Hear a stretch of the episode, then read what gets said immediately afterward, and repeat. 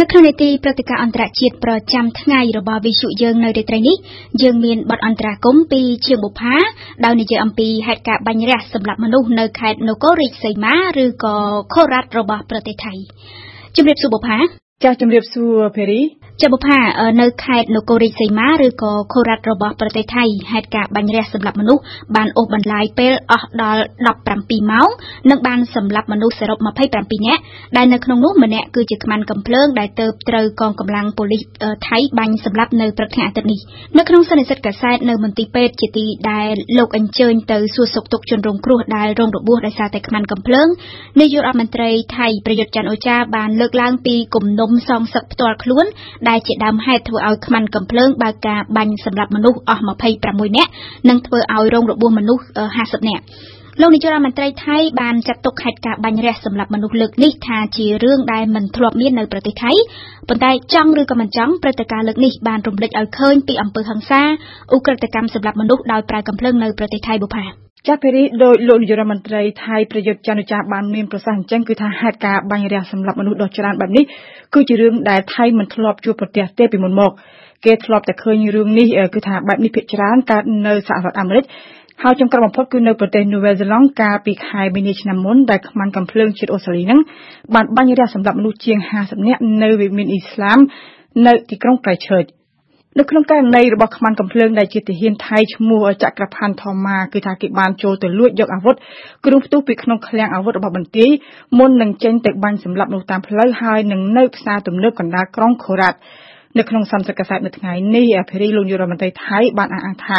លោកគឺជាអ្នកគ្រប់គ្រងដោយផ្ទាល់នៅសន្តិសុខឃ្លាំងអាវុធនៅបន្ទាយទាហាននៅក្នុងខេត្តនគររាជសីមា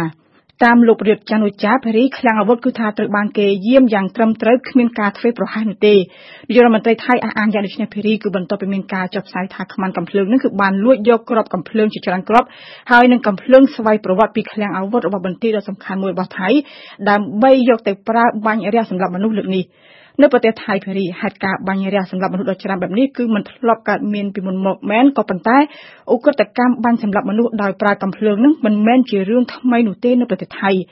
រឿងនេះគឺធ្វើឲ្យគេនឹកទៅដល់ករណីប្លន់ហាងមាសកាលពីខែមុនដែលចៅបានបាញ់សម្លាប់មនុស្ស3នាក់ដែលនៅក្នុងនោះម្នាក់គឺជាកុមារថៃនេះភារីគឺបានក្លាយជាប្រទេសទី2នៅតំបន់អាស៊ីអាគ្នេយ៍ដែលអំពើហិង្សាសម្រាប់មនុស្សដោយប្រើកាំភ្លើងនឹងមានអត្រាខ្ពស់បំផុតដែលរាប់បញ្ចូលតាំងពីអំពើហិង្សាចំនួនប្រដាប់អាវុធនៅភូមិខាងត្បូងប្រទេសថៃ គេអាចងាយយល់ពីរឿងនេះដែរភារីប្រវត្តិថាថៃគឺស្ថិតនៅក្នុងចំណោមក្រុមប្រទេសដែលមានចរាចរណ៍អាវុធច្រើនជាងគេបំផុតនៅក្នុងពិភពលោក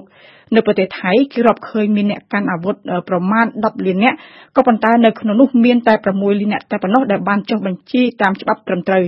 នៅថៃគេមានសិទ្ធិសុំទិញអាវុធការពារខ្លួនជាលក្ខណៈឯកជនបើសិនជាគេមានភស្តុតាងបង្ហាញថាគេមានទ្រព្យសម្បត្តិត្រូវការពារឬក៏កំពុងតែរស់នៅក្នុងតំបន់ដែលប្រឈមទៅនឹងអសន្តិសុខខ្លាំង ក៏ប៉ុន្តែសម្រាប់អង្គការគ្រប់គ្រងនយោបាយអាវុធប្រចាំនៅប្រទេសថៃវិញភារីនៅមានអាវុធជាច្រើនទៀតដែលមិនត្រូវបានចុះបញ្ជីហើយត្រូវបានគេលក់យ៉ាងចេញមុខចេញមាត់នៅតាមទីផ្សារហើយមួយចំនួនគឺលក់ទិញដូរដោយឧក្រិដ្ឋជន បុប្ផាហេតុការបាញ់សម្លាប់មនុស្សនៅប្រទេសថៃលើកនេះបើទោះបីជារឿងកម្រមិនធ្លាប់មាននៅថៃក៏ប៉ុន្តែវាបានធ្វើឲ្យថៃត្រូវគេចាត់ចូលក្នុងបញ្ជីប្រទេសដូចជាអាមេរិកនិងនូវែលសេឡង់ដែរដែលនៅទីនោះខ្មាន់កំភ្លើងបានថតបង្ហោះផ្សាយផ្ទាល់សកម្មភាពបាញ់រះសម្លាប់ជនស្ទោត្រង់តាមបណ្ដាញសង្គម Facebook ចក្រាចំណុចដូចគ្នារវាងការបាញ់សម្លាប់មនុស្សនៅសហរដ្ឋអាមេរិកនៅនូវែលសេឡង់ហើយនិងនៅប្រទេសថៃលើនេះគឺថាខ្មាន់កំភ្លើងមានអាវុធពេញដៃហើយចេះប្រើបច្ចេកវិទ្យាអ៊ីនធឺណិតដូចជាបណ្ដាញសង្គម Facebook នឹងដើម្បីចែកចាយបង្ហាញរូបភាពសម្រាប់មនុស្សដ៏ឃោរឃៅរបស់ខ្លួននៅក្នុងករណីដែលបាញ់រះសម្រាប់មនុស្សរបស់ខ្មាន់កំភ្លើងចក្រផាន់ធម្មម៉ាលើនេះគឺថារូបភាពវីដេអូហើយនិងរូបថតរបស់ជនរងគ្រោះដែលដេកស្លាប់នៅក្នុងស្លុកឈាមដោយសារតែកត់កំភ្លើងរបស់ជនដៃដល់គឺត្រូវបានបង្ហោះផ្សាយពេញ Facebook តាំងតែពីកើតមានហេតុការណ៍នៅរសៀលថ្ងៃសៅរ៍ម្សិលមិញក្រុមហ៊ុន Facebook បានអះអាងថាគេបានលុបចោលនៅគណនី Facebook ហើយនិង Instagram របស់ចក្រផាន់ហើយបានលុបចោលនៅរូបភាពដែលខ្មាន់កំភ្លើងនឹងបានបង្ហោះផ្សាយនៅលើបណ្ដាញ Facebook តាំងតែពីថ្ងៃសៅរ៍ នៅក្នុងសេចក្តីថ្លែងការណ៍នៅថ្ងៃអាទិត្យនេះភារីក្រុមហ៊ុន Facebook បាននិយាយថាគេកំពុងតែតាមដានរកមើលបន្តទៀតនៅរូបភាពហិង្សាផ្សេងទៀតដែលតាក់ទងទៅនឹងការបាញ់រះសម្លាប់មនុស្សនៅទីក្រុងខូរ៉ាត់ជាមួយគ្នានេះដែរក្រុមហ៊ុននឹងព្យាយាមផងដែរគឺថាមិនឲ្យអ្នកប្រើប្រាស់ Facebook ផ្សេងទៀតនឹងអាចចុះផ្សាយនៅរូបភាពហិង្សាផ្សេងៗដែលអាចតាក់ទងទៅនឹងហេតុការណ៍បាញ់សម្លាប់មនុស្សរបស់ខ្មាន់កំភ្លើងចក្រផាន់ក្រុមហ៊ុន Facebook ស្ភេរីមើលទៅគឺសកម្មខ្លាំងណាស់ដើម្បីទប់ស្កាត់កុំឲ្យរូបភាពវីដេអូរបស់ខ្មាន់កំភ្លើងនឹងត្រូវគេចែកចាយនៅលើបណ្ដាញក៏ប៉ុន្តែដូចជាលើកមុនដែរភេរីគឺដូចករណីបាញ់សម្លាប់មនុស្សនៅប្រទេសនូវែលសេឡង់គឺថា Facebook នៅតែយឺតយ៉ាវមិនអាចបិទភ្លាមភ្លាមនៅការបង្ហោះផ្សាយរូបភាពហិង្សារបស់ខ្មាន់កំភ្លើង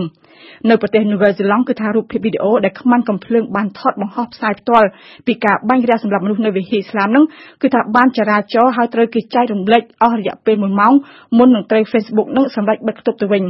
នៅថៃលើកនេះគឺថាខ្មាន់កំភ្លើងអាចប្រើបណ្ដាញសង្គមបង្ហោះផ្សាយសកម្មភាពហិង្សារបស់ខ្លួនបានប្រមាណម៉ោងដែរមុននឹងត្រូវ Facebook បិទគប់ទៅវិញហើយ Facebook ទោះបីជាប្រើបញ្ញាសិប្បនិម្មិតជាច្រើនដើម្បីតាមចាប់រូបភាពហិង្សា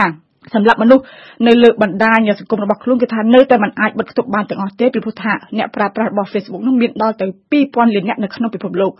ចង់ឬមិនចង់ភេរីបណ្ដាញសង្គម Facebook ដែលជាមធ្យោបាយពេញនិយមហើយមានប្រសិទ្ធភាព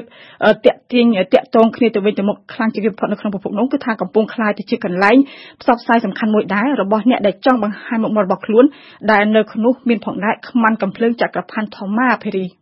សូមអរគុណជាបុផាសម្រាប់បទអន្តរាគមក្នុងនេតិព្រឹត្តិការណ៍អន្តរជាតិប្រចាំថ្ងៃនៅរាត្រីនេះ